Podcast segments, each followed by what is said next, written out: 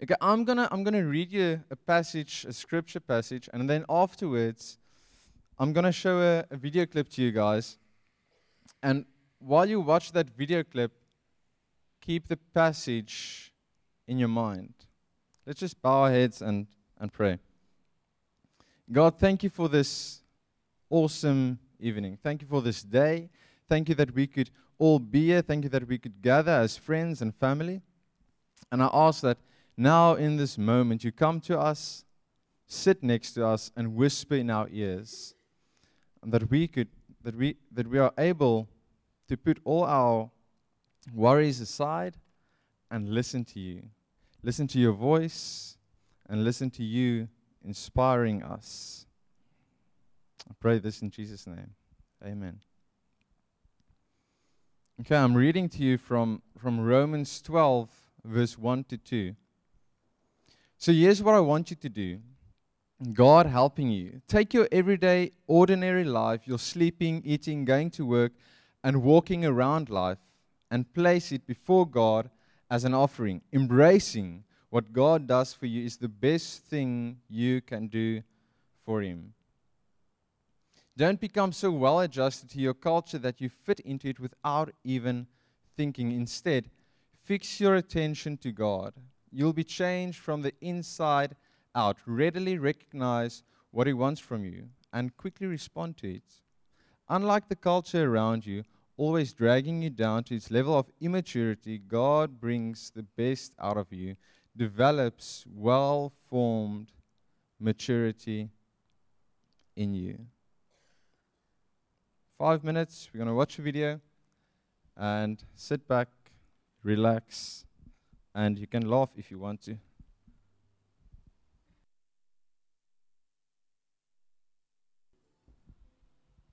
What a cute little bird, eh?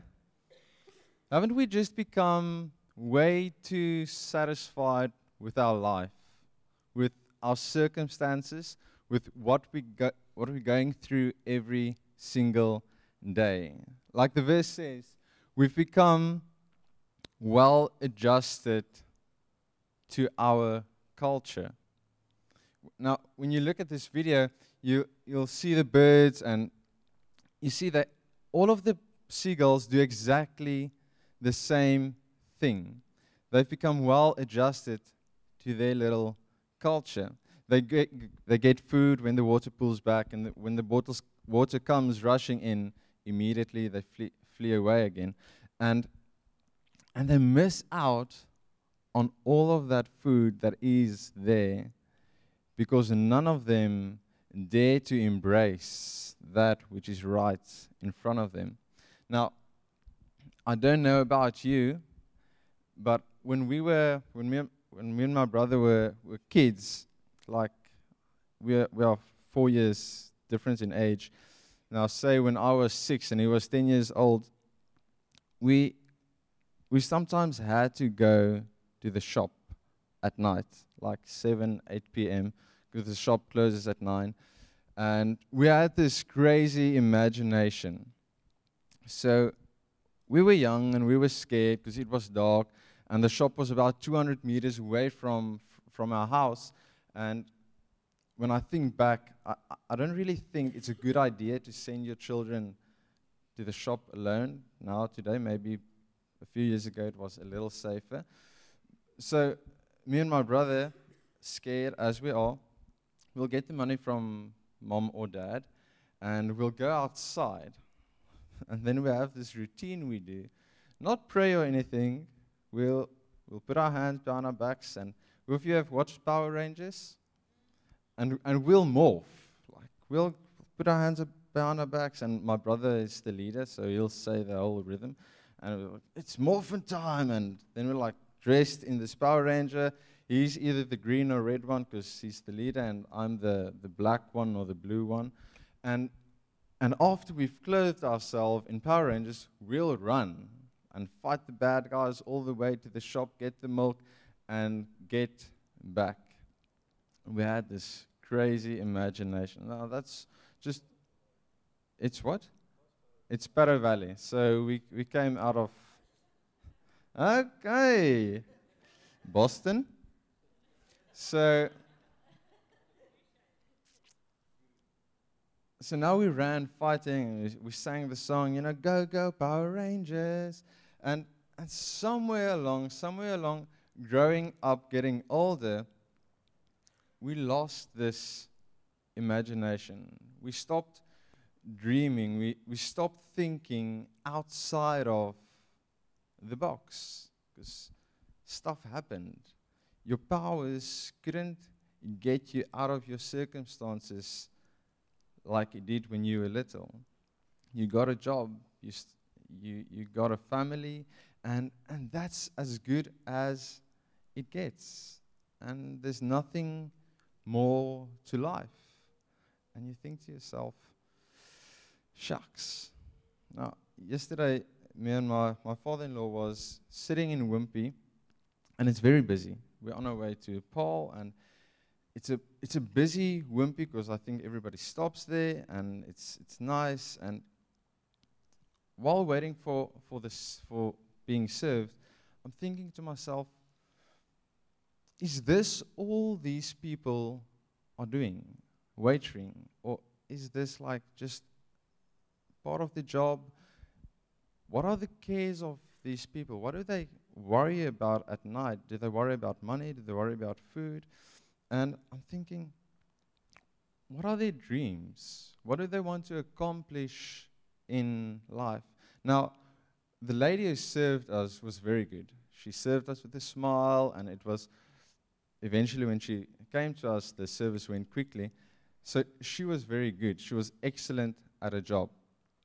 But is that all there is to the life? And I'm asking myself the same question Have I settled? Am I happy where I am now? Is this all there is to my life? Am I just going to go through the motions every single day, climbing on the roller coaster with the rest of the world, going up and going down, going up and going down, and eventually we're stopping and we don't climb off, we're still going around for the hundredth time. Waiting patiently to go to heaven one day.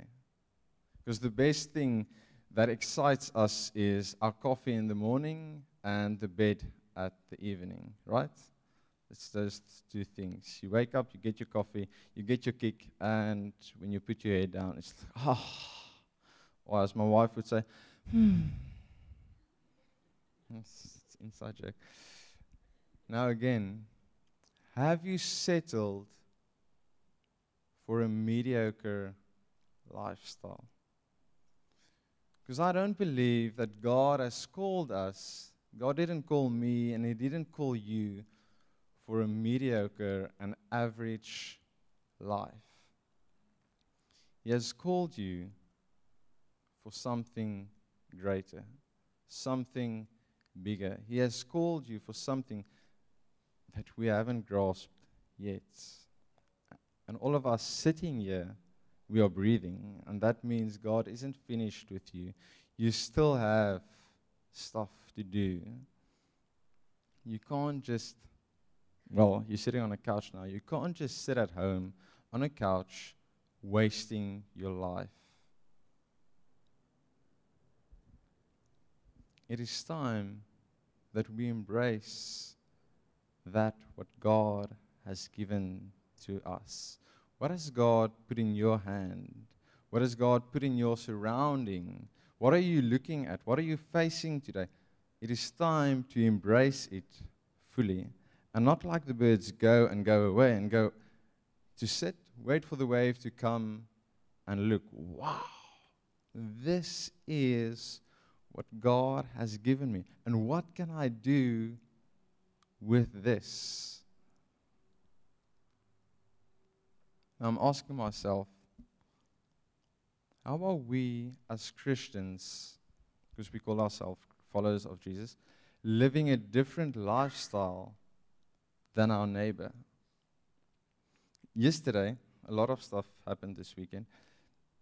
I went for a for a run, six o'clock, seven o'clock in the evening, and I was running. It's nice, enjoying the run. And on my way back from Plattekloof Pick and Pay, I ran past this family, and it's a family of three. It's it's uh, the lady with two other kids. The youngest one is probably four years old, and they're carrying their their bags with all their goods in, probably clothes and their bedding and stuff like that. And I'm thinking to myself, while because they're walking that way and I'm running that way from behind, I'm thinking it's a nice idea, maybe just to, because the four year old is also carrying stuff, to, to help them, to ask them, hey guys, can I perhaps help you? Stop my watch, stop running, and help them with their bags. And while running past them, I was running and they were in my way. I just went on the road and ran past and and I thought to myself, you know, I think Jesus would have stopped and helped them. But I think my running came first over there. And then I realized it's so much easier to fit in with the culture. It's so much easier to not do something that is out of the norm. Because it's normal to just run, run past people who need your help. It's normal to turn your back on someone and go the other way. But to actually stop and give your time to the people. And while I was running, ah, I don't know if you know how, that, how it feels, because the whole time you're thinking, oh, I should have, I should have, I should have. Maybe I should turn around. And, but I just got home and went on with my evening. And that's what we do. John 15, listen. You didn't choose me, and this is Jesus speaking. Remember, I chose you and put you in the world to bear fruit. Fruit that won't spoil as fruit bearers. Whatever you ask the Father in relation to me, He gives you. Now, Jesus chose us not to sit around and wait for heaven to come to me one day. He chose us to bear fruit. Fruit, love, affection, compassion, to be kind. Do you realize that Jesus has called each of us to be his hands and his feet for the people around you? He didn't call you just for an average, normal life. If you say you are a follower of Jesus, if you say you are his disciple, you are called to something, I'm going to say it, spectacular. Jesus, in my eyes, didn't have an average, mediocre life, right? Jesus ate with the scum of his time. He went around braaiing fish and sit, sitting around a fire with with his disciples, he, he took time to, to actually sit down and pray for pe- people, caring for them. He fed thousands of people. Jesus didn't call us to be mediocre, He called us to be extraordinary. Anne Frank says, everyone has inside of him a piece of good news. The good news is that you don't know how great you can be, how much you can love, what you can accomplish, and what your potential is. Now, perhaps you don't have the best image of yourself. You won't rank yourself because you look at yourself and you think, uh, what, what value can I add to someone's life? and you haven't yet realized that good news that's inside of you. There's a love waiting to explode, kindness that wants to come out, and you're stopping it, you're, you're pushing it down, you're suppressing it. And the things that you actually can accomplish when you let Him in when you let Him start moving through you. And this good news inside of you, it's not because of how great you are, but it's Christ that is in you that makes the difference, that makes the extraordinary. It's not you, it's Christ that is in you. He makes it possible for you to actually love your neighbor. Christ makes it possible for you to forgive when someone has hurt you. C.S. Lewis says, If you are continually stirred and fail to act, the time will come when you will be unable to act.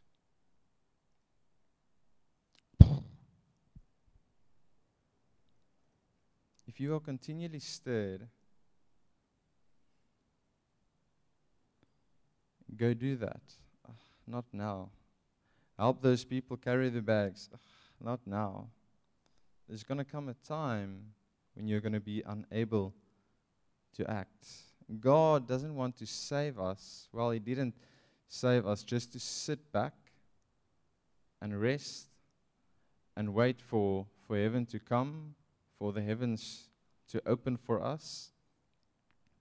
He wants us to reach out to people, to the lost world, and He wants us to make a difference there where you are, where you go, there He wants you to make a difference. If you ever think your life has no meaning, no purpose, no significance, you are completely wrong.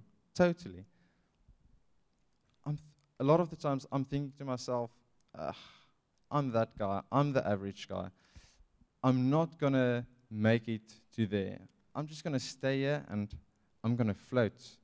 That's what I do. That's what I'm called for. I'm called to just float.